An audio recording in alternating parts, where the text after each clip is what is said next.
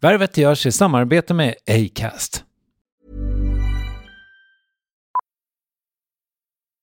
Millions of people have lost weight with personalized plans from Noom, like Evan, who can't stand salads and still lost 50 pounds.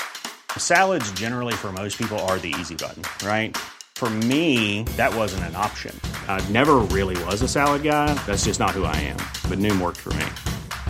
Get your personalized plan today at Noom.com. Real Noom user compensated to provide their story. In four weeks, the typical Noom user can expect to lose one to two pounds per week. Individual results may vary. There's never been a faster or easier way to start your weight loss journey than with PlushCare. PlushCare accepts most insurance plans and gives you online access to board-certified physicians who can prescribe FDA-approved weight loss medications like Wigovi and Zepbound for those who qualify. Take charge of your health and speak with a board-certified physician about a weight loss plan that's right for you. Get started today at plushcare.com slash weight loss. That's plushcare.com slash weight loss. plushcare.com slash weight loss. Hiring for your small business? If you're not looking for professionals on LinkedIn, you're looking in the wrong place. That's like looking for your car keys in a fish tank. LinkedIn helps you hire professionals you can't find anywhere else, even those who aren't actively searching for a new job but might be open to the perfect role. In a given month, over 70% of LinkedIn users don't even visit other leading job sites. So start looking in the right place. With LinkedIn, you can hire professionals like a professional. Post your free job on linkedin.com slash people today. Värvet presenteras i samarbete med Nasonex, utomhusmöjliggöraren, som de inte kallar sig av någon märklig anledning. Men det är i alla fall Sveriges mest köpta antiinflammatoriska nässpray mot allergisk snuva. Och nu kommer ett litet test, så fram med papper och penna du som lyssnar, nu kör vi. Fråga 1. Vill du vara ute mer i naturen? Fråga 2. Sitter du framför en skärm lite för mycket?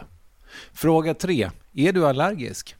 Om du har svarat ja på någon av frågorna så tycker jag att du ska bege dig till beanoutsider.se. Jag vill för övrigt poängtera att Nasonex nässpray är ett receptfritt läkemedel från 18 år för behandling av symptom vid säsongsbunden och perenn allergisk snuva. Rådfråga läkare om du är eller tror dig vara gravid eller ammar eller om du planerar att skaffa barn, har en obehandlad infektion i näsan, nyligen har genomgått en näsoperation eller har en skada i näsan. Får ingen effekt inom 14 dagar eller om du redan använder läkemedel med kortison ska du kontakta läkare. Använd ej mer än tre månader utan läkarkontakt. Stort tack Nasonex och beanoutsider.se.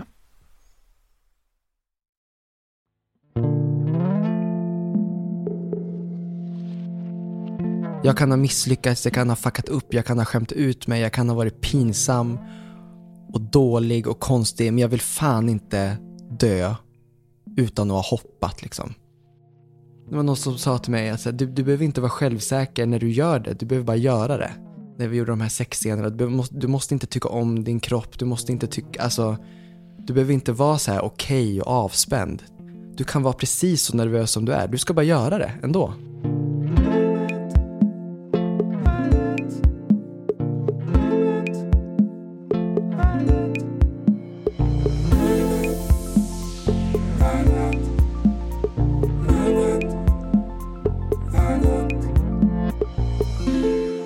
Han slog igenom på Youtube i tidiga tonåren och innan han gått ut gymnasiet hade han gjort flera produktioner med SVT, bland annat Melodifestivalen som 19-åring. Kort sagt, det har gått snabbt för William Spets och han har gjort mycket. Inte minst tv-serien Filip och Mona med Anna Granat, varit på Dramaten, turnerat med en serie om sin mormor och skådespelat i film och på tv. Nu står han inför att dela fler sidor av sig själv i Netflix-produktionen Tore som han skrivit och spelar huvudrollen i och varför han spelar kaffe och Amy Desismonds livsråd. Allt avhandlas i Värvet 597. Här är William Spets. Hur mår du? Eh, jo men bra. Fan, nu brände jag min sista fråga i början här. Oproffsigt. Hade tänkt sluta med den. Men du, eh, jag Det är nog bra att du gör det, för jag vet inte hur jag mår än. För att du vet när man är lite sen någonstans, nu var det bara tio minuter, men ändå. Det är som att då... Tio minuter, en kvart. Nej, var det en kvart? 17 kanske. Jag skäms. Men det är för att de här elcyklarna, ja det var så dumt. Nej men, ja, det är som att jag, jag kommer upptäcka hur jag mår snart. Mm. Ja, men då Man tar har fått det. landa lite. Då tar vi det om en stund. Det var smart att du la den sist. Men du, jag vill börja med att prata om Tore. Ja, vad kul! Vad Mm. kul. Hur har den resan varit för dig? Den har varit eh, omvälvande och fantastisk. Men också det svåraste och läskigaste jag har fått vara med och göra. Och slås liksom av hur de sakerna går hand i hand på något sätt. Mm. Att jag aldrig känt mig mer utmanad och aldrig känt mig mer eh, rädd liksom. För att det har betytt så mycket. Och rädslan i det, att liksom komma på sig själv med att något är jätte, känns jätteviktigt för en. Mm. Men det har varit, eh, ja, lite, li, alltså smått livsförändrande för mig att få vara med om det. Måste det verkligen vara smått livsförändrande? Alltså jag har en känsla av att det kommer vara stort livsförändrande för dig. Men jag tror att det redan har varit det. Alltså hela processen oavsett, för, för nu står vi inför liksom att det ska släppas och jag kommer alltid på mig själv med att när, när saker man har gjort som släpp, när de släpps, då är det på många sätt redan över och att hela Eh, releasen av det är någon slags eh, nostalgi i förhållande till när det faktiskt hände, som var liksom i vintras. Så nu är jag ju liksom lite av, bortkopplad från, från det. Eh, så jag tror att om något har förändrats så har det nog redan skett under de här månaderna när man var ute i Årsta och filmade på nätterna på Årstabron med Karin och ja. Det var stort att det hände för mig, Mm. oavsett nu hur det går eller inte går. Jag har ju en känsla av att eh, du kommer att få en eh, ny publik, kanske utanför eh, Sverige. Du tror det? Det tror jag absolut. Ja, det beror ju på en, lite vad Netflix har för planer Ja. såklart. Men, Det men där är så konstigt och alltså jag blir jätteglad över det men det, jag försöker vara i något så här att allt det här som kommer nu, som på många sätt byggs upp som att så här, det är nu det händer typ, det är nu det släpps, det är nu det som liksom allt man har jobbat för spelar roll. Det gör ju liksom inte det för att man har ingen kontroll över, antingen så går det jättebra eller så går den under radarn för att det släpps hur mycket som helst eller så liksom man vet inte hur den träffar och sånt där. Och jag har bara senaste månaderna när jag har varit i det här glappet, att det liksom är klart men ingen har sett det. Jag har försökt öva på liksom och försöka förstå hur lite kontroll jag har. Alltså att det är bara att slä, försöka släppa taget. Och om det träffar någon, då har vi liksom gjort det vi ska. Mm.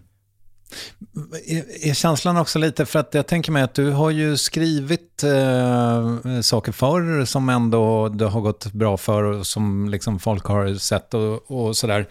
Men det här känns ju så, alltså att det är på något sätt är 100% du. Och om du då tidigare har skrivit i konstellation så är det här liksom så himla mycket din värld och dina tankar och kanske till och med dina problem, även om de kanske i viss mån har legat, eller ligger bakom dig. Och då tänker jag mig att om, det är, om folk hatar det, då skulle man ju kunna tänka sig, eller då skulle nog jag i alla fall tänka att ja men då hatar de ju mig. Mm. Jag kan ju liksom inte skylla på något eller på någon. Mm. För att jag har skapat det och jag har skrivit det. Och Erika Karlmeier som är regissör är liksom världens bästa regissör på många sätt. Så att jag kan liksom inte skylla på, nej men så är det ju verkligen. Eh, men det här låter liksom lite töntigt kanske. Men i och med att jag har jobbat i några år nu och jag är så van att göra vissa saker som inte någon ser, alltså så här, vissa projekt som man liksom har trott jättemycket på men som inte haft en plattform. Och liksom bara tacksamheten i att de har låtit mig skriva skiten själv. Alltså jag var ju beredd på att när vi fick det där jaet, att det var så ja ah, men du måste ta in den här som du skriver med eller som liksom kan ändå leda manusarbetet eller, eller så. Så att det är också någon, alltså tacksamhet över att ha fått ett rum eller en, en, någonting att berätta, den är så stor att liksom reaktionerna, ja, det är också svårt nu för att det har ju inte släppts, så det är lätt för mig att stänga bort ut det nu. Eh, så att jag är liksom både lugn men också jättenervös. Men det är som du säger, jag kan ju inte, finns inget, och ingen att gömma sig bakom. Men du och jag sågs ju i Göteborg som hastigast när den visades då för en, vad kan det ha varit, 80 pers eller Mm, någonting mm. sånt. Eh, som förvisso kanske i stor mån var branschfolk, men reaktionerna jag tog del av runt omkring var ju otroliga. Och det måste ju du också ha känt. Ja men det var faktiskt, eh, för det och när du var där, ni var ju de första som liksom såg någonting utanför, alltså teamet och klipparna och så det var ju svinnervöst. Men det var, det var faktiskt så jävla fint och oavsett hur det går sen så kommer jag alltid ha den liksom eftermiddagen med mig. För det var faktiskt otroligt fint hur, hur eh, för den är så byggd på liksom känslomässiga vändningar och så. Och det, vi har ju inte haft några testpubliker eller liksom tagit in referenspubliker. Så, så det var så skönt att känna i det rummet just då i alla fall, att de beatsen satt. Just också för att vi, Vad betyder bit? ja men så här känslomässiga liksom ögonblick och vändningar och, och just för att serien leker mycket med liksom komik och mörker och att vi vill liksom vända och att det ska vara roligt och sen sorgligt och ibland båda två samtidigt och så. Och de vändningarna och de beatsen vet man ju aldrig om de sitter. Det är som att ha premiär för en humorföreställning utan att repa inför publik och så säger man skämten och hoppas att det landar. Det är samma sak med dramatiska liksom, beats också, att man, man vet inte om folk kommer svänga med på något sätt. Eh, och sen var det vi den där lilla gruppen och det var väl halvfullt i den här lilla salongen och så här. Men de som var där kändes det som att de, ni var med liksom. Och jag, jag var helt, eh, jag och Sanna Sundqvist som spelar Linn, vi delade hotellrum där på Way Out West. Och så när vi kom tillbaka till rummet, då var vi så övertända. Och så minns jag att vi stod på knä i sängen och bara tittade på varandra för att nu har någon sett det och det kändes fint. Det var en, en fin stund. Och det var så mycket adrenalin och lättnad att det var så här, vi bara, alltså nu är det jättenära att vi ligger med varandra. Att vi börjar ha sex typ. Helt tvångsmässigt. För att det är något med den här lättnaden och den här energin. Att det skulle krävas ganska lite för att vi skulle börja liksom ligga med varandra. För att det var så mycket, ja men du vet man spänner sig och man var nervös och så där. Så att eh, det var jättekonstigt när vi stod där på knä i sängen och bara, ska vi knulla? Nej, vi lägger oss och vilar lite istället. Ja, nej, men det, så brukar det vara för mig också när, när det är mycket puls. Varje vecka när ett nytt avsnitt släpps. Ja, verkligen. Ja, ja fan, vad, fan vad fint ändå, tycker jag. Ehm, men jag tänker också, om jag skulle tvingas säga någon referens till er serie, vilket jag antar att ni också fick göra i pitchstadiet, då är det i och för sig mer intressant kanske att du berättar det. Nej, gör det du. Ja, men jag skulle väl säga liksom att ehm, Afterlife är väl lite grann i samma härad ändå. Att det liksom är liv och död. Skitroligt men också sorgligt och eh, liksom mycket... Alltså, eh, det, det finns en tydlig smärtpunkt. Liksom. Jo, den hade vi som referens. Jag hade ju inte sett Afterlife när jag började skriva den, sen såg jag den och då fick jag panik för att det var också en hund med där och det var också droger med. Så att jag, jag är ju lite, när någon säger Afterlife, är jag så här, nej men gud, är det för, är det för stark referens? Nej. Men jag hade mycket liksom, jag växte upp med Six Feet Under och var kär i den, dels den världen med liksom begravningslivet i begravningsvärld på något sätt. Just det. Eh, men också den liksom sjuka tragikomiken som uppstår när Ruth, mamman, kastar grejer i köket och någon har dött. Och, alltså det, jag har dragits till det där väldigt mycket. Ja, men jag tycker det är jätteskönt att den inte... Ja men vad glad jag blir. Är Jag hoppas ute att folk dem. liksom... Den, den, liksom, den är inte ute efter de snabba garven. Det är ingen sketch. Nej, jag har aldrig varit bra på det heller. Jag har aldrig varit bra på att skriva skämt eller skriva... Jag gillar mer de här, när det är liksom situationsbaserad komik på något sätt. Och att det finns, det är inte liksom jokes på det sättet. Men du, eh, när började du skriva på Tore? Hur, hur gammal är liksom eh, embryot? Embryot är nog tre, fyra år. Men väldigt länge var det bara en anteckning i mobilen där det var sådär kille bor fortfarande hemma, pappa påkörd av sopbil typ. Det var typ det enda som fanns. Och den låg där och sen fick vi, jag jobbade med några kollegor på en eh, tv-serie i ungefär ett år och vi var ganska nära att liksom få göra det. Men så är det ju som det är i det här yrket, att man vet inte förrän man vet. Eh, och förrän man liksom har fått det där sista, sista greenlightet. Så att vi jobbade väldigt mycket på det och sen i sista steget så eh, fick vi nej. Och liksom hela den, hela den grejen dog bara. Och då eh, föddes liksom att jag började skriva på Tore ur, ur det nejet och ur den att jag var så besviken och liksom hade någon konstig, jag kände mig liksom lite dumpad, lite så här hjärtesorgs eh, konstig i kroppen. Och jag var hemma i Umeå minns jag. Och så satt jag hemma med pappa och så tittade jag på honom och så blev jag liksom påminn om den här tryggheten som han alltid har varit och den här tryggheten som man på många sätt ibland kan ta för givet för att den alltid har varit där. Eh, och det är väl när de självklarheterna plötsligt rycks ifrån en, vad, vad, vad gör det med en person? Och vad gör det med en person som är extremt trygghetssökande och lite omogen och lite sen med allting?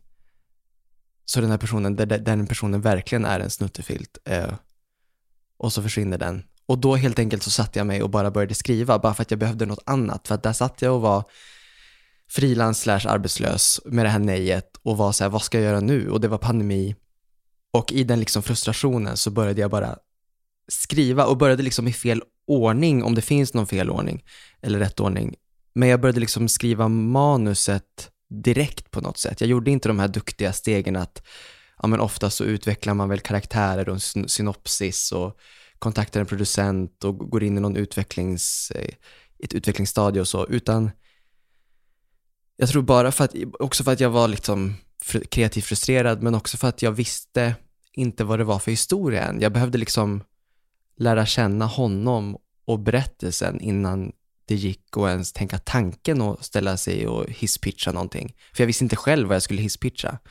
Och det var fantastiskt. Alltså det var en fantastisk tid och bara inte planera vad som skulle hända utan bara på riktigt liksom lät Tore styra hur scenerna skulle gå. Och då trillade han in på den här båten och då hamnade han med den här Heidi och liksom saker hände. Och jag har liksom aldrig riktigt varit med om det i en kreativ process förut, att liksom glädjen i att typ släppa taget eller att försöka sluta intellektualisera och speciellt för att jag inte är liksom skolad manusförfattare heller, då tror jag att jag har länge burit på liksom, ja men jag måste göra det på rätt sätt och jag måste ha rätt teknik och jag måste göra det i rätt ordning men och då tror jag att jag har lurat in mig i ett hörn ibland och stått i vägen för mig själv för att jag har tänkt att kreativitet är mer intellektuellt än vad det absolut är.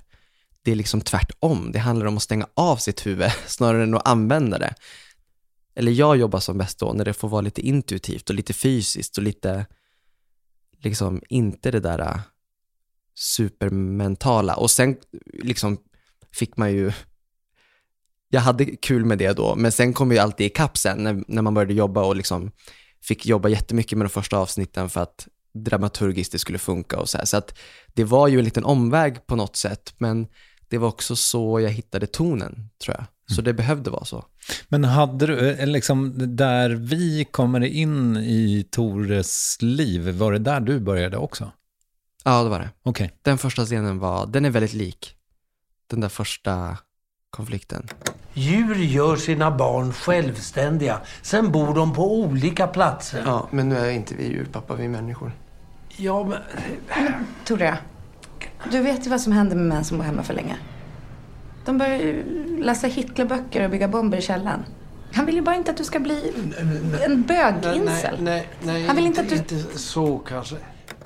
Men skrev du, som, skrev du i sex episoder också, eller var det bara ett långt flöde från början? Nej, det, det var liksom avsnitt och så... Först var det åtta avsnitt och sen blev det sex och sådär, men... Men det var avsnitt. Det var, det var frihet att liksom dela in det lite i mm. olika avsnitt liksom. Och när du liksom, när kopplade du på någon annan? Ja, men efter några månader så hade jag ett par avsnitt och jag hade börjat skriva på en presentation och då kopplade jag på, eh, jag hade liksom jobbat ganska lite med henne, Anna-Klara Karlsten heter hon och är producent, för Tore.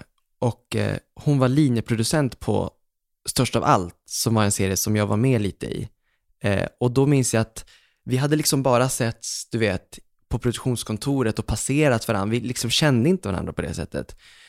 Men du vet med vissa människor att man får en sån bra känsla, men så finns det ingenting som är logiskt med att man hör av sig och bara hej, ska vi se? Alltså så här, för då hade man varit en psykopat. Men hon fanns där bak liksom. Och så hade hon precis gjort eh, första säsongen av Thunder in My Heart med Amy Desismont och jag tänkte på så här släktskapet jag kan känna med Amy i att liksom hon skapade en serie och skrev och spelade och jag kände liksom på mig att Anna-Klara kommer fatta den här grejen som fortfarande är ganska ovanlig, i alla fall i Sverige i alla fall. Och då hörde jag av mig till henne och hon var nyförlöst mamma, låg på BB typ fortfarande och eh, läste mejlet direkt och läste avsnitten direkt och sa liksom med sin två dagars gamla bebis i famnen så här, när ska vi ta en fika typ? Mm. Eh, och det säger så mycket om den hon är liksom, att när hon går igång, hon är extremt liksom passionerad och extremt eh, har drivit det här projektet på ett sätt jag aldrig hade liksom vågat driva det. Alltså det är klart vi ska gå till Netflix, det är klart vi ska göra det här. Mm. Eh, och så jobbade jag med en dramaturg som heter Truls, eh, som hjälpte mig jättemycket med historien. Erika kom in i bilden. Och hon, och hon blev jag också sådär kär i, för att hon var en sån där, hon är en norsk ung regissör som, du vet man ses på den här fikan och jag har den här, det här hjärteprojektet och liksom har ju ingen aning om hon tycker att hon är rätt för det eller om hon vill göra det. Eller om vi kommer klicka, det är som en första dejt på något sätt. Men så minns jag bara att vi satte oss och så var så här, det här vanliga småpratet du vet, att ah, god macka, och hur länge är du i Göteborg, och, kul, och fin byxa och så. Men väldigt, väldigt snabbt var Erika så här, jag har lite idéer, lite notes. Och jag, blev, jag minns att jag fylldes av sån glädje att så här, gud vad skönt att det inte är det här ah, diplomatiska, hon vill direkt gå in i historien och typ hur gör vi det här och hon kom med en idé att så här efter det här traumat sker det första, vad händer om Tore är ensam på ett torg i vita kläder och dansar och festar. Och vi kontrasterar det här liksom olyckan med det typ. Och bara, det är en sån där typisk Erika-idé som bara, jag hade aldrig kunnat tänka på det, mm. komma på det. Det som blev vinjetten. Det. det som blev vinjetten. Mm. Mm. Eh, det var liksom, tog vi rakt av. Så långsamt hoppade liksom de här äh, nyckelpersonerna på. Ja, jag fattar. Men du, ehm, är det det första nej det är inte det första du skriver själv, men jag tänker att liksom visa vi att skriva i konstellation, um, vilka är de stora skillnaderna? Var det, var, det liksom, var det viktigt för dig att du fick göra det ensam? Ja, men jag ville göra det ensam. Men också att den här serien var så karaktärsdriven liksom.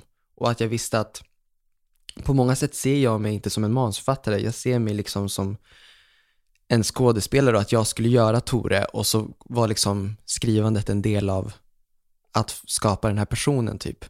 Eh, så det kändes liksom logiskt att det här var en berättelse som jag skulle vilja skriva själv.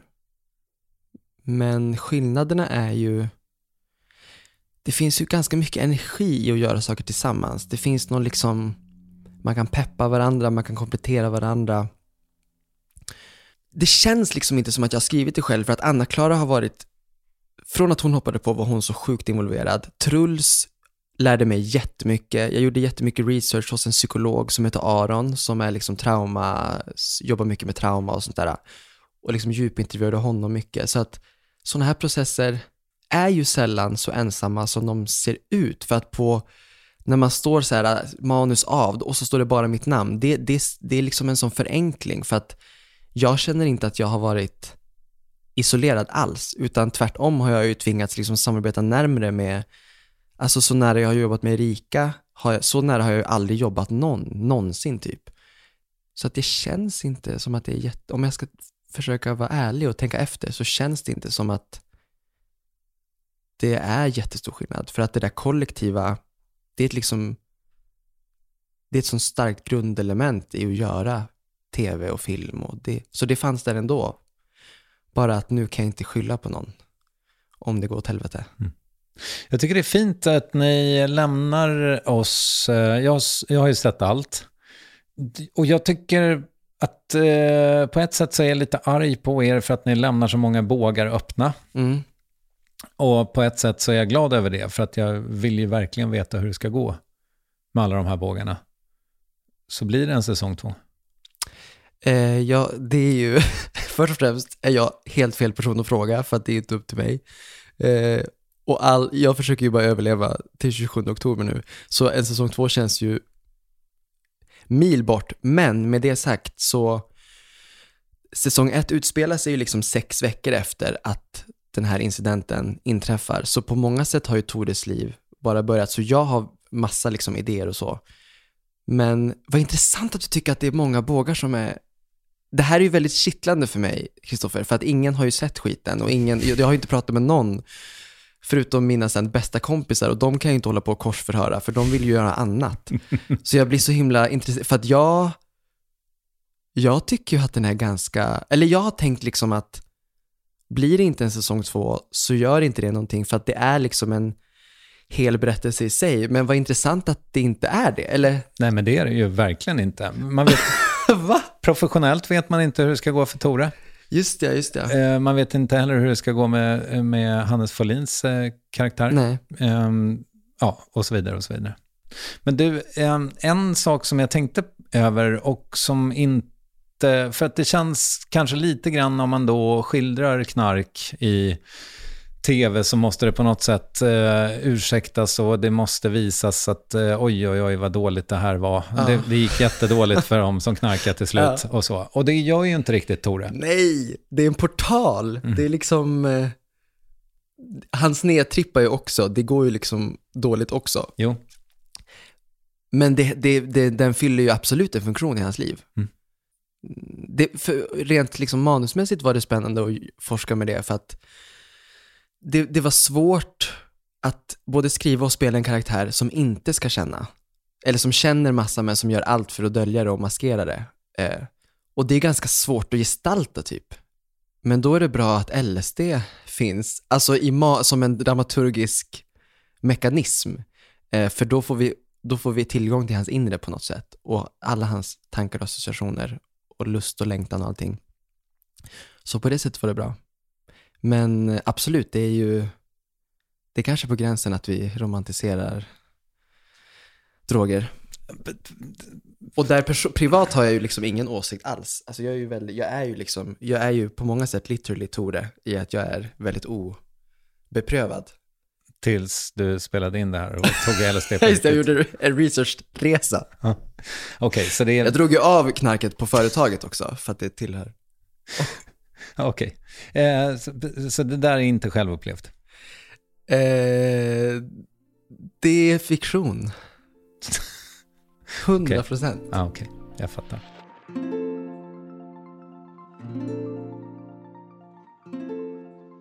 Din riktiga pappa, som ju då faktiskt liksom på sätt och vis inspirerade dig till det här.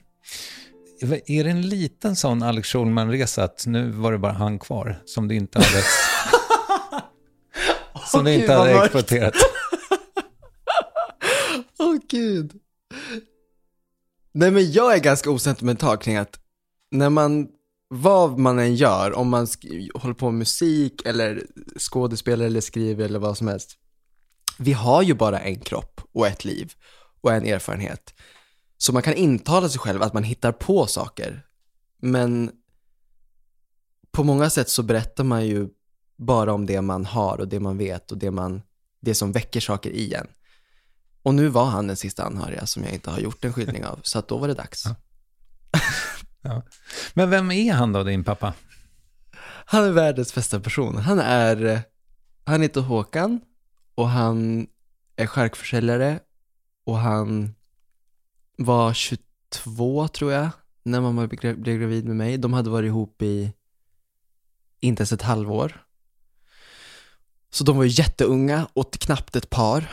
Och mamma visste direkt att så här, nej men det här, jag ska bli mamma och så, för, så ska det bli. Och var väldigt liksom självklar i det. Och det jag har hört är att han inledningsvis var liksom så här, men gud vad,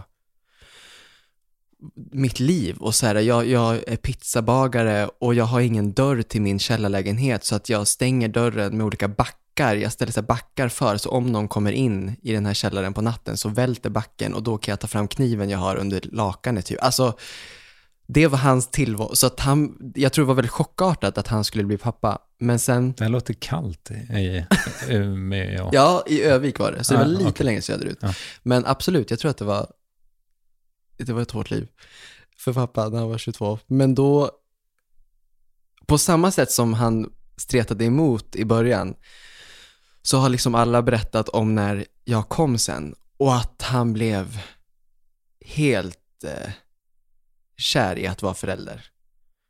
Han lät inte min farmor hålla mig den första tiden för att han var så överbeskyddande. Och han är nog den mest liksom okomplicerade relationen jag har i mitt liv på något sätt. Och det är, det är de som också, som jag sa lite, är liksom lätta att tendera och ta för givet. Eller, och, eller liksom tänka att nej men det är väl självklart liksom.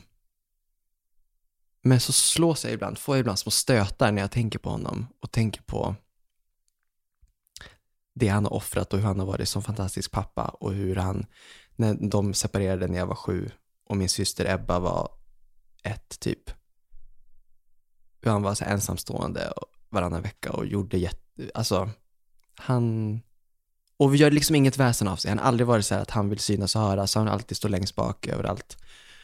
Om han ska komma på något jag gör eller spelar eller så, så kommer han sist och går först jag minns när jag var med på ett hörn på Melodifestivalen och jag var 19 och efteråt var jag så här, men vart är pappa? Så här, och då var han redan på, tillbaka på hotellet för han ville inte stå där och mingla liksom. Sång och dansmannen i dig har du inte ärvt på den sidan? Nej, och jag tror liksom han har dansat på fest, alltså tre gånger under sina 50 år på jorden. Så det var stort. Jag minns när han, han gjorde det för ett par somrar sedan. Efter x antal enheter gissar jag. Och liksom Marie, hans fru, såg att så här, nu, nu sker det.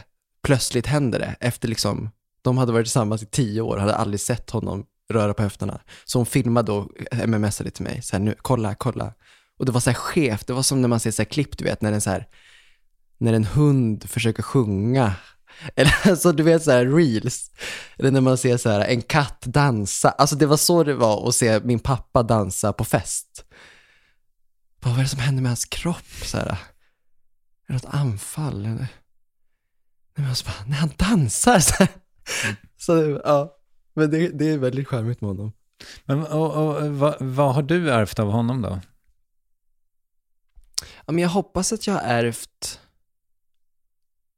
mitt behov av liksom rutin och lugn och trygghet och att det inte ska hända så mycket.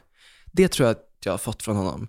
Han är väldigt liksom bekväm och inte, söker inte liksom kickar utan är väldigt, lik- han har, det är hunden och det är Marie och det fixas lite så här hemma men det är väldigt lugnt. Och, och jag märker att jag är också så väldigt mycket utanför mitt jobb. Jag är väldigt tråkig och väldigt eh, liksom kicksökande fast tvärtom. Att jag är så här eh, rohetssök, alltså jag kan vara manisk kring att försöka hitta eh, ro och passivitet. Alltså att bara ligga i sängen en hel dag och äta pad thai och kolla på Desperate Housewives. Det är liksom det bästa jag kan föreställa mig. Och jag tror det har jag fått lite från både jag och min syrra Ebba. Är så. Mm. Vi är väldigt bra på att ha tråkigt. Vad har du ärvt av din mamma då? Ja, men hon är ju en liksom teaterapa. Och när hon var liten så gjorde hon filmer med sin kamera och jag gjorde i min tur filmer med min kamera. Bara att hon, hennes vägde ju åtta kilo mer och det var så här kassetter. Och, VHS? antar ja, exakt. Men det var liksom samma grej. Eh, så det har jag nog ärvt av henne. Och ångest. Ja, Har jag ärvt av mamma. Ja, Mm. absolut. Pappa är väldigt ångestbefriad. Och det kan jag vara väldigt avundsjuk på. Men eh, samtidigt är jag jätteglad att jag har ångest. Alltså herregud. Det du- för mig är det fortfarande konstigt att inte alla har det. Eller jag, kan, jag tycker det är svårt att tänka att folk inte har det. För det känns som en så självklar del av ett liv. Mm. Men det finns ju de, the lucky few. Mm. David Som- Sundin. Ah. Mm. Alltså hatten av, det är bara att... Han vet inte vad det är tror jag. Men, nej, men alltså så här gör jag ibland, att jag häller kaffe. ja, du häller kaffe på din jättefina t-shirt. Och jag har köpt den bara för idag. Vill du skölja ur den lite, Nej, lite vatten? skitsamma. Det passar nästan med motivet. Kolla, det passar lite med... Men du, oj, oj, oj, oj. Nu blev jag så till mig. Du blir så arg Kristoffer, det är det. När som helst kan det bara explodera. Flippa. Det är därför man blir så medberoende till dig. För du är så himla snäll. Och så kommer det små, små... Glimtar av Anfall. mitt... Mm, Det är därför jag är så nervös att jag häller kaffe. Alltså du vet, det är det här... missa munnen. Ja. Eh, nej men du, vi var på dina föräldrar här och vad du har ärvt av respektive. Eh, nu var ju det några år gammalt, men jag, det, det finns ett klipp med dig när du sitter med Martina Haag i, i någon sån tv-studio och så pratar de om dina, ja, du är väl inte riktigt delaktig i det, men, men Martina ska beskriva dig och så är det liksom som att du är moder Teresa själv. Och det är ju på riktigt mitt intryck också, att du verkligen är det. Och det känns inte som att du förställer dig särskilt mycket, så här, utan att det är en genuin liksom, ja, men, nyfikenhet som man möts av när det kommer till dig. Du verkar liksom inte ha något stort behov av att vara elak, eller så här, utan att du vill att människor runt omkring dig ska må bra. Eller är det den polerade delen av det? Nej, jag vet att jag vill verkligen det. Och sen... Jag tror att jag aktivt har valt bort, alltså, cynism och så. Och det är inte att det inte finns i mig, eller att det uppstår och att sådana impulser. Men jag tror jag upptäckte liksom när jag växte upp och så, och i, alltså kanske i högstadiet eller i början av gymnasiet, att jag, varje gång jag gick med i det, eller bejakade det, så mådde jag så jävla dåligt. Och jag märkte hur mycket bättre jag mådde av att liksom välja bort eh, cynism och jag märkte hur jag hur jag liksom blev självsäkrare av det. För att om jag valde bort det och se det i andra, då kunde jag ha en lite ljusare bild av människor jag mötte. Ibland har jag blivit behandlad lite som att jag, eller att fått klagomål att jag är så himla naiv. Eller att jag, eh, men det är jag liksom inte. Det är bara att jag väljer att inte bejaka den där skiten för att jag märker hur jag, hur, hur jag, hur jag blir sämre av det. Mm. Och då är det ett så enkelt val och beslut att inte gå in i det. Och sen, jag minns när jag var yngre och så här, kompisar var så här, men du måste kunna säga något dåligt om den här personen. När folk snackade skit och bara, men du, måste, du kan inte heller gilla det här. Och så ibland var det så här, att jag blev så här tvingad att säga, att det var helt sjuka situationer där jag var så här, Jo, men hon kanske luktar lite illa Ja, då. hon har väl flottigt hår. Ja, kolla jag kan visst också vara lite edgy typ. Men nu är det så skönt när man är vuxen för att nu är inte människor lika sjuka i huvudet. Så nu blir man inte tvingad och då får jag vara i det bara. Eh, Men är det inte lätt då att man så här, för jag tänker mig, vi, vi, jag har ju rört mig väldigt mycket, i- eller rört mig, i- jo men det har jag ju såklart i, i poddvärlden och de liksom konkurrenter eller vad man nu ska säga, i, s- många av dem lever ju på cynismen och att det är sådär att man på något sätt gör ner någon en vecka och sen så tre veckor senare så kan den personen vara toppen. För då har man träffat dem på en fest och så insåg man så här, ja, vi, vi var skittaskiga mot den här personen. Och det är liksom ett, ett, något slags, ja, men ett, en cirkel som går runt av cynism i Stockholm. Är det inte väldigt lätt att ryckas med i det? jo, det är lätt att dras med i det.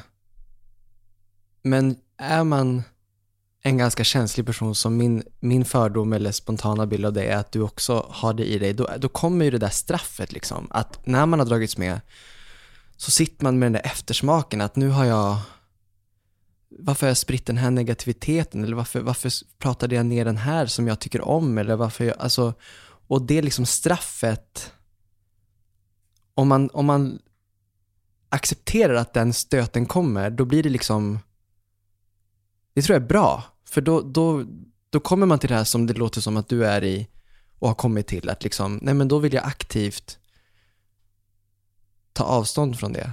För alla, för, och när vi blir rädda och när vi blir osäkra, då kommer ju alla de här fula sidorna fram. Vi alla har ju dem.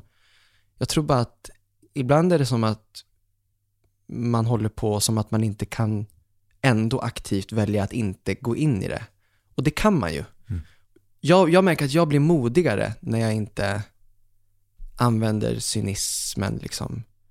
För, för man, ja, då har jag valt liksom vad jag har fyllt med. Men ja, ah, det där är ju så, för samtidigt, det, nu, jag hör ju hur jag pratar, samtidigt är jag ju extremt liksom självkritisk. Alltså, det är lättare att applicera det på andra än på sig själv. Men jag, jag är väldigt liksom självkritisk och, och i en kreativ process, då måste man ju, då måste man ju vara expert på att se problem och se vad som är dåligt och se vad...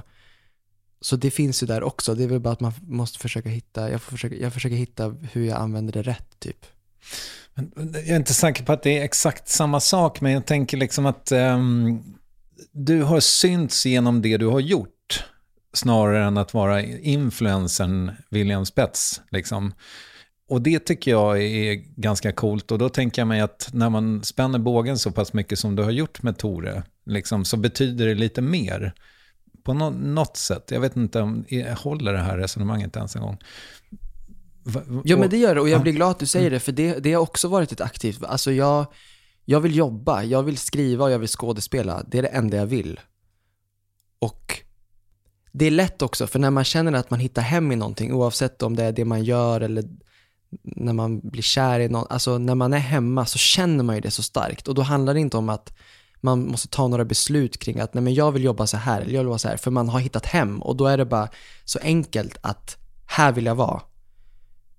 Och så kände jag ju med Tore till exempel. Mm. Att så, om jag får göra varianter av ett sånt här arbete i mitt liv, då, då är jag liksom världens lyckligaste och mest tacksamma person. Och, och det är det jag menar med, jag, jag är lite rädd varför jag inte är mer nervös än vad jag är inför att det släpps. Jag har en enorm liksom anspänning, men jag är liksom inte neurotiskt liksom orolig.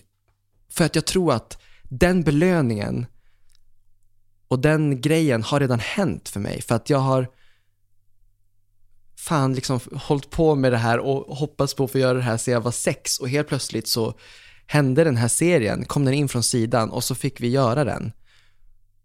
Och jag fick träffa Erika som liksom nu är en jättenära vän liksom och vi gjorde det tillsammans och vi var, alltså det var, nej.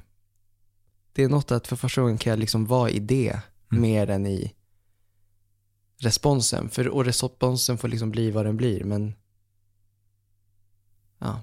Men det, och det är ju en, det tänker jag mig också är, um, om vi ska få ihop de här spåren på något sätt, så tänker jag mig att Tore är en, en liksom ganska komplex historia, men särskilt cynisk är den ju inte. Utan Nej. den handlar om liksom, ja, men, antingen att fly från äkta känslor eller äkta känslor. Mm. Både och, tänker jag.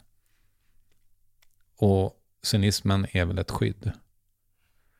Och då tänker jag mig, på ett sätt så är det ju avundsvärt att du är vid den eh, emotionella mognaden vid liksom 27 bast och skrev det när du var 26-ish liksom. Eller 25, eller vad det nu var. Ja, det är ju mäktigt. Vad fan ska, vad, vad liksom, det är en spännande resa tänker jag. Mm. Det, det är sjukt att det hände. det är liksom... Ja. Ja, åh, jag önskar liksom att... Jag vet inte. Säg. Jag är så glad att jag fortsatte liksom. Nu när du säger det här, att det slår mig typ... Att det är lätt att typ försöka skapa saker och, och, spela och så när man gör det på riktigt på något sätt. För då är det ens jobb och då finns det andra som jobbar med en och sånt där. Men nu när du säger det här, jag, jag, jag får så här flash att när man är liten typ och så Jag fick bara nu så här, vad glad jag är att jag inte liksom eh, att jag fortsatte försöka. Mm. Men fanns det någon, fanns det någon vägskäl där du kunde ha tagit en annan? Nej. Nej.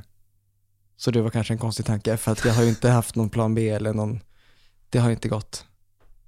För det är den största gåvan tror jag, när man, om man hittar sin, sin passion, då har man liksom bränsle för ett helt liv. Mm. Och det handlar inte om om man ska försörja sig eller på det eller inte. För att på, på väldigt många sätt så är Tore, om jag tittar på processen och hur den får mig att känna och har fått mig att känna, så är det väldigt, väldigt besläktat med när jag var 13 och gjorde klipp i mitt rum. Alltså ganska prack, alltså ganska liksom identiskt känns det på samma sätt. Mm. Det är bara att det är olika, helt olika utanpå verk. Hej! Är det bra? Anledningen att jag gör den här videon är för att jag vaknade upp i morse och insåg att imorgon börjar jag gymnasiet. Och jag är inte redo alls. För att på gymnasiet är man vuxen. Och jag är inte vuxen alls. Ja, det, och det tänker jag mig att, för nu har jag tittat lite i kapp på även de gamla grejerna och det är ju så här, ambitionsnivån finns ju där ändå. Du, jag, jag tänker mig att du har, antar jag, skrivit manus och sådär när du var, ja men vad det nu blir, men f- 14, 15, 16 liksom och gjorde de där grejerna. Mm. Men, och då är ju en naturlig följdfråga, liksom, när du kanske första scenen som ni filmar här, och jag antar att det är någon som sköter tejpen och någon som ser till att det lyser ljus och någon har kollat vädret och det finns en macka att käka som någon annan har köpt och sådär. Fan, hur var det för dig? Kunde du ta in det? Att så här, ja men det här, den här grejen fanns inte förut. Och nu står det här 50 pers och ser till att det blir, På Tore, ja. Amy sa det till mig, för vi, vi har ju liksom Anna-Klara gemensamt. Och så satt vi någon dag och jag var så fruktansvärt nervös. Det var som att all nervositet min omgivning tycker jag borde känna nu innan serien släpps. Den satt ju jag med själv innan första inspelningsdagen, för det var ju då det hände. Men, och jag minns att då pratade jag med Amy och hon sa liksom, William glöm liksom inte nu när du filmar det här, att liksom titta upp och se att det är på riktigt, att det är ett team som jobbar och är bäst i Sverige på att ta fram så här, de ska bygga den här begravningsbyrån och den här rekvisitan med dina karaktärers namn, de kommer stå på de här små visitkorten på begravningsbyrån. Kom ihåg och liksom när du sitter och äter lunch och är nervös och hatar dig själv för att scenen inte kändes bra. Titta upp liksom. Och kom ihåg att så här, det, du, du gör det, du, det händer, det blev av. För då hade hon, hon har ju den liksom erfarenheten, så då gjorde jag verkligen det. Och så gick jag till den där visitkortet och så stod det så här äh, Ulla Tunnell på Lotta Taylors karaktärs visitkort. Och Ulla är döpt efter min mormor och Tunnell är min farmors efternamn. Och ingen av dem lever väl längre. Så då, jag minns att jag så här fotade och skickade till pappa. Och så här, ja men den blicken har jag liksom haft väldigt mycket hela vägen. För att jag är verkligen en, ett fan för, alltså jag är ju en konsument av sådana här saker. Och det är så den dröm, det var så den drömmen föddes. Men, men kommer det också en sån, en hisnande känsla liksom av att så här, what the fuck, Alltså, vad har liksom, alla de här jätteduktiga människorna. Mm. Ja, vad, ska, vad, vad är ett katastrofscenario där? Och, alltså att så här, nej men det, det höll inte. Att, Det håll, och på inspelning är det ju liksom verkligen scen för scen, att så här, kommer det leva? Alltså kommer, och framför allt liksom de mer dramatiska och känslomässiga scenerna, där många gånger, jag kunde liksom inte skriva serien och göra det lätt för mig, för det var inte den typen av serie. Så att många dagar satt jag ju på set och satt med manussidorna och var så här, vad fan har jag skrivit? Jag kan ju inte göra det här. Jag kan ju inte spela en sån här scen. Jag kan skriva den, men den här är alldeles för svår för mig. Eller det här ska inte, jag kan inte vara en sån här skådespelare. Det är som att jag har undanhållit mig själv den drömmen för att jag har stått i vägen för mig själv, för att jag har varit för rädd att jag inte ska vara bra nog. Och så helt plötsligt står man där och allt annat är på plats. Nu är det bara kvar att jag ska göra det. Men återigen, det var som att jag upptäckte under den här resan att så här, jag skrev liksom i min kalender, minns jag, att så här, lämna hjärnan hemma i Fredhäll. Och så försökte jag liksom verkligen göra det, att tänk inte så jävla mycket. Och du tror att du kommer kunna rädda dig själv genom att övertänka och analysera, men du, du skjuter dig bara i foten. Och mina bästa dagar på inspelningen var när jag lyckades bara vara i stunden och i nuet och låta det som kom komma. Så, så det var, jag lärde mig jättemycket av det. Och jag tror att jag har tagit med mig det efteråt också. Att liksom, det var det här som var skådespeleri. Mm. Att inte försöka vara duktig och att inte försöka, och att ta fram de, alla sidor jag skäms över och som är en nackdel att visa ute i verkligheten. Det är din styrka här.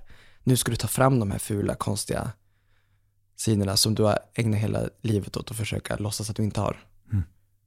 Så det var något befriande över det också.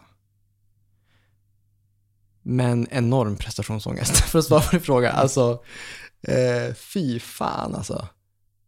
Och så kan man inte göra någonting åt det, för man har inte ens börjat än. Så man går bara runt hemma i cirklar. Och bara, nej, jag ska göra en andningsövning kanske? För, nej, jag vet inte, jag tar... Bara, sätter mig här lite. Alltså, du vet, man, bara, man har inga, alltså... Man sitter och liksom...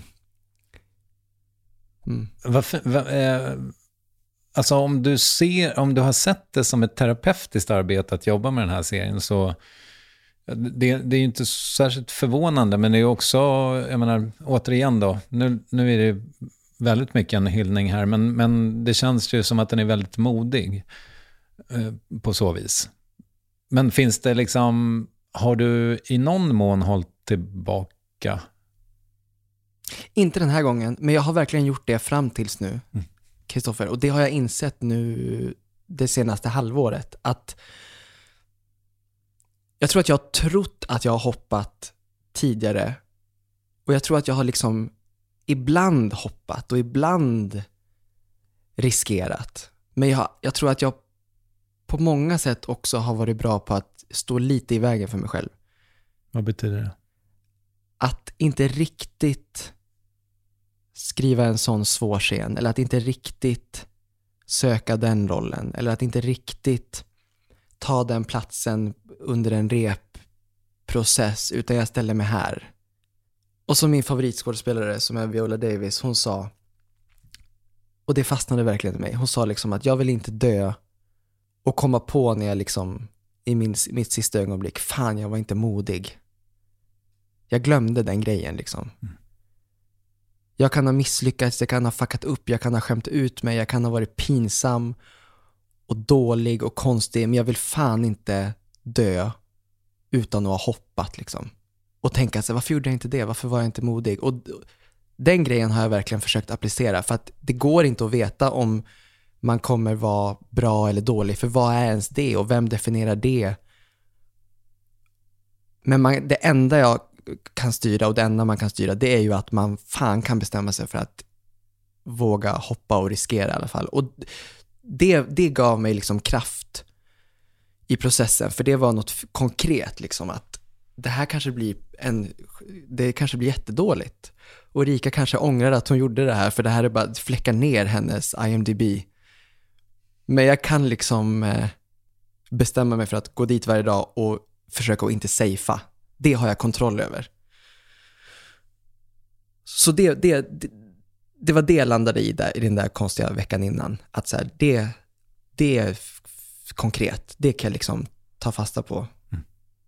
För sekunden man tänker att man ska försöka vara bra eller vara smart, eller, alltså det, det är då man häller kaffe över sin tröja, det är då man inte är bra.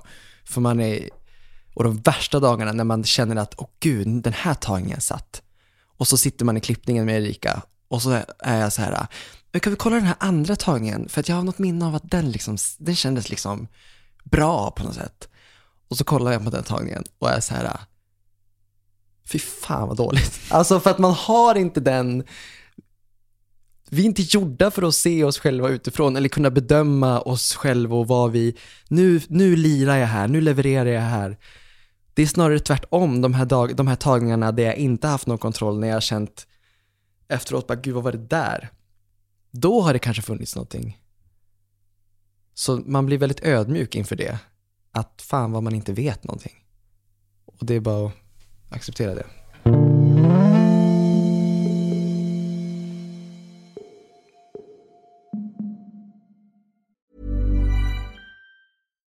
Would you like to look five years younger? In a clinical study, people that had volume added with Juvederm Voluma XC in the cheeks perceived themselves as looking five years younger at six months after treatment. Look younger, feel like you. Add volume for lift and contour in the cheeks with Juvederm Voluma XC. Reverse signs of aging by adding volume to smooth laugh lines with Juvederm Volure XC.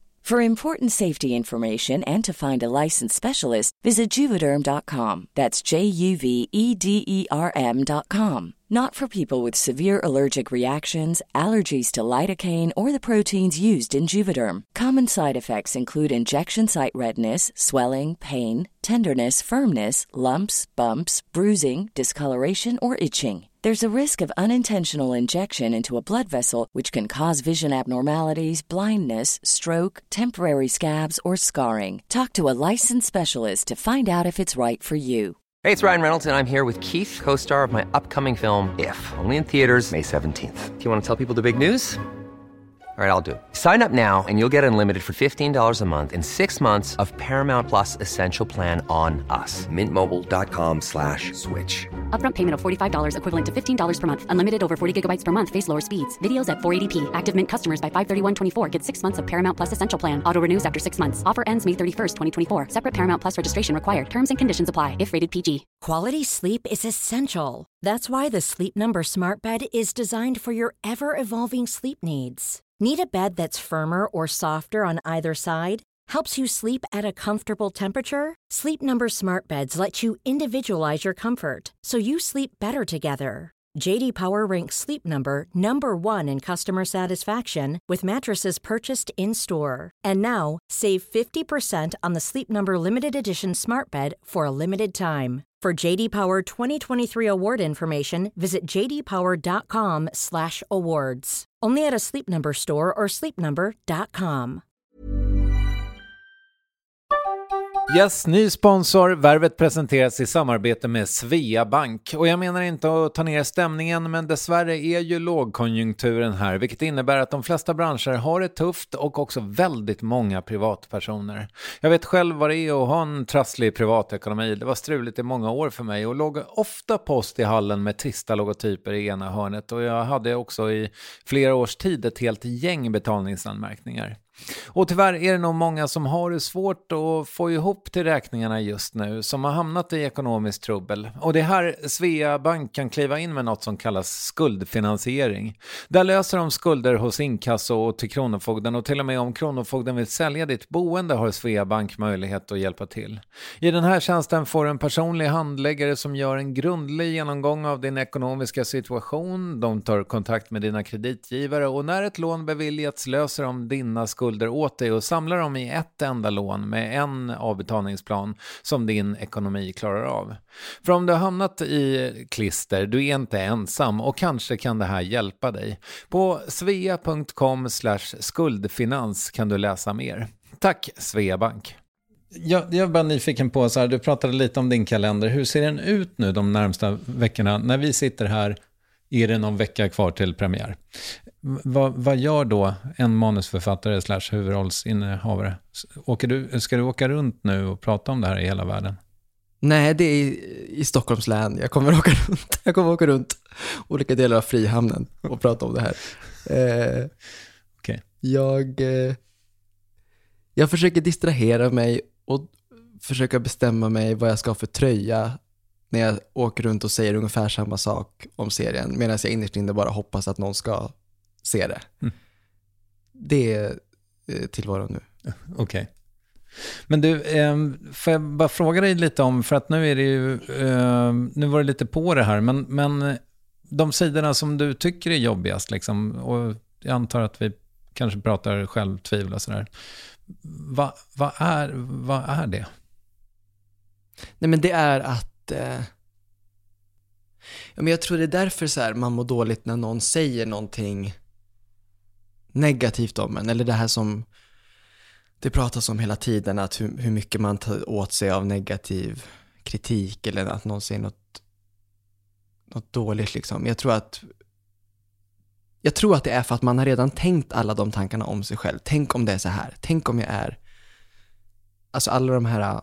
Och så sen när man väl då gör fel, eller när någon tycker att man gör fel, eller att någon säger något som man gjorde dåligt i sitt jobb till exempel. Då tror jag att det skär in just för att man har ju redan tänkt det om sig själv. För den finns där hela tiden, den där farhågan om att man inte ska vara bra nog liksom. För mig, eh, det är nog det för mig. Och att när något betyder någonting, då blir det också så mycket skörare att det finns inget, det liksom på många sätt, mitt livs kärlek är liksom skådespeleriet och då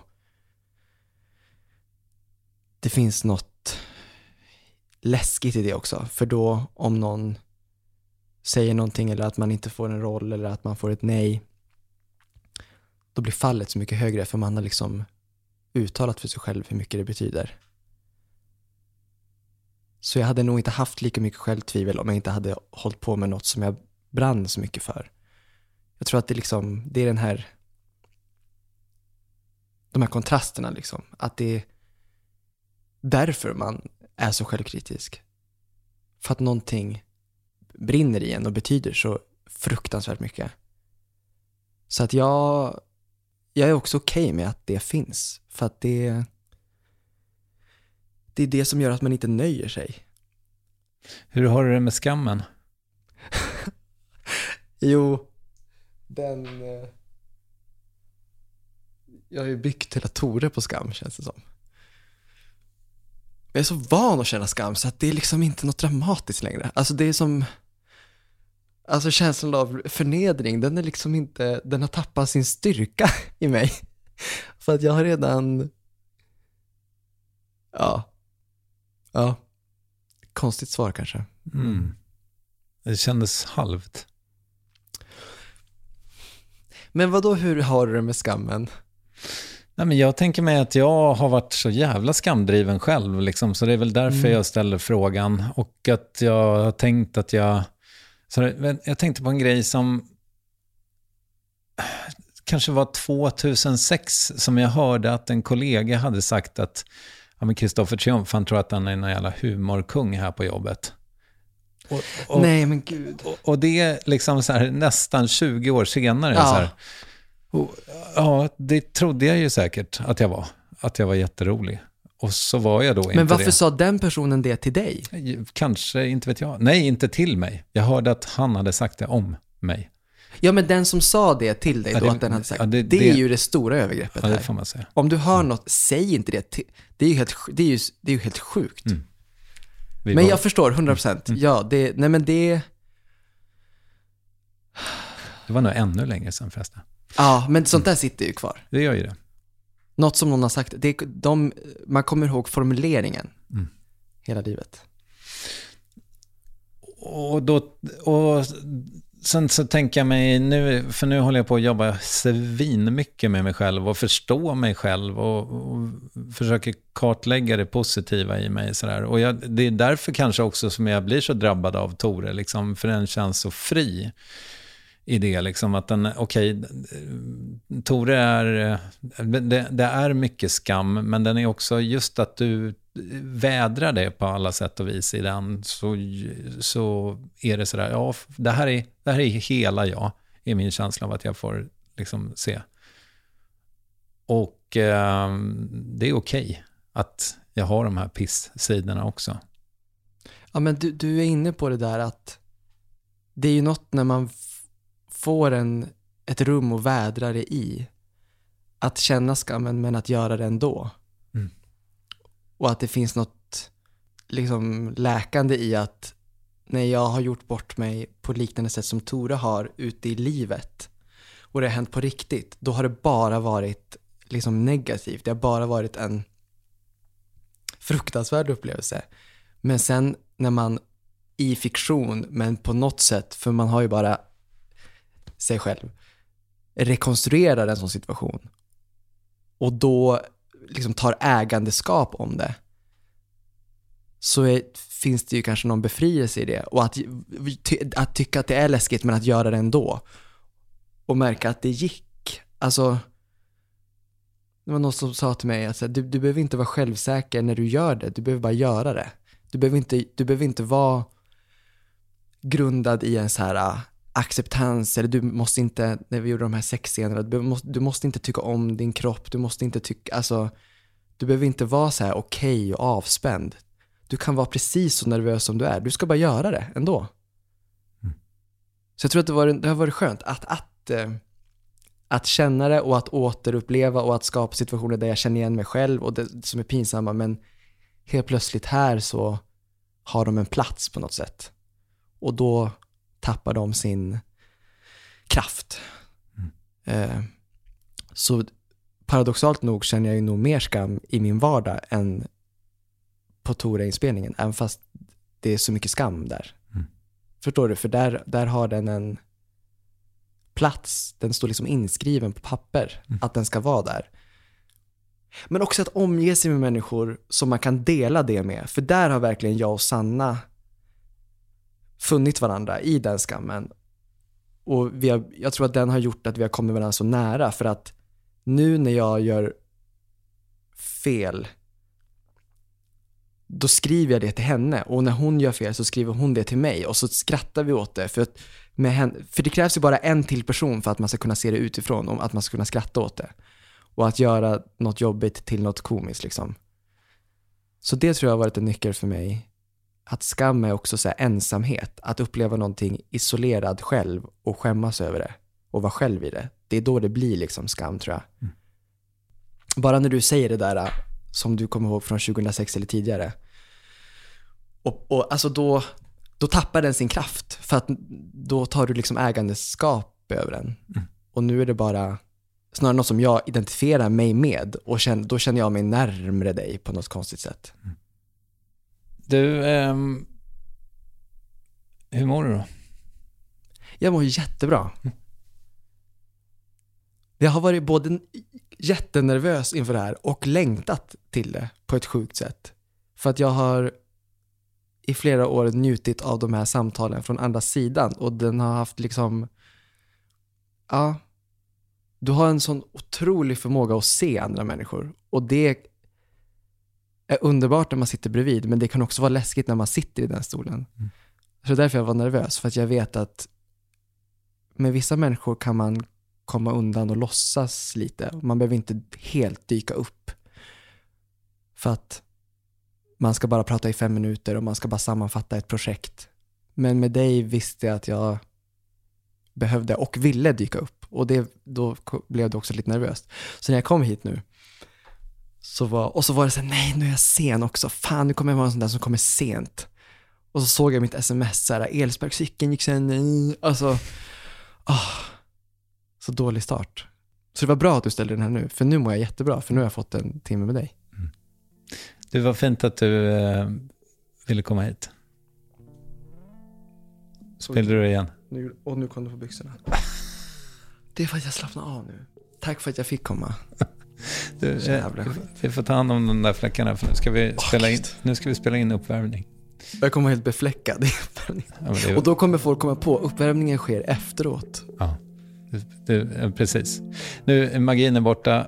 Tack för idag. Tack för idag.